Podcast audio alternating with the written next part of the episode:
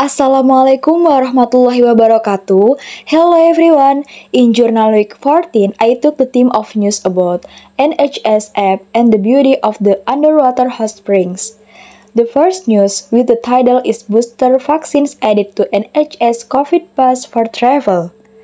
News description Travelers who have had a booster dose of a COVID jab in England are now able to prove their vaccination status using the NHS COVID Pass.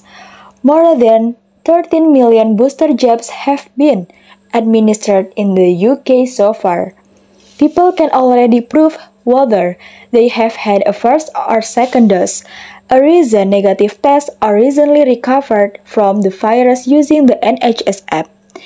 The NHS COVID Pass is used for travel as well as for entry to some domestic venues which require it. The second news with the title is Taiwan's acidic underwater hot springs. News description Above water, Turtle Island is a popular and idyllic tourist attraction, but it's what's underwater that is fascinating scientists.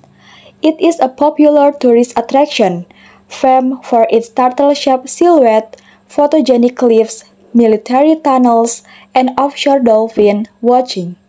But under the surface the water is hot and acidic, its pH value one of the lowest naturally occurring in the world's oceans, something not yet fully understood by scientists. Sea anemones, snails, mollusks, and a rainbow of corals flourish in the vicinity.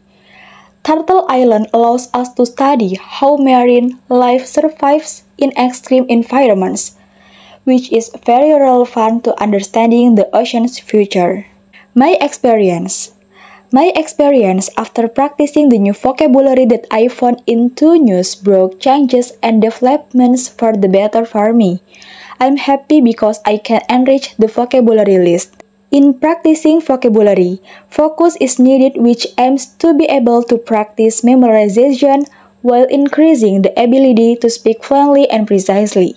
The changes I feel are that it is easier to remember, memorize, and there is a development in pronunciation.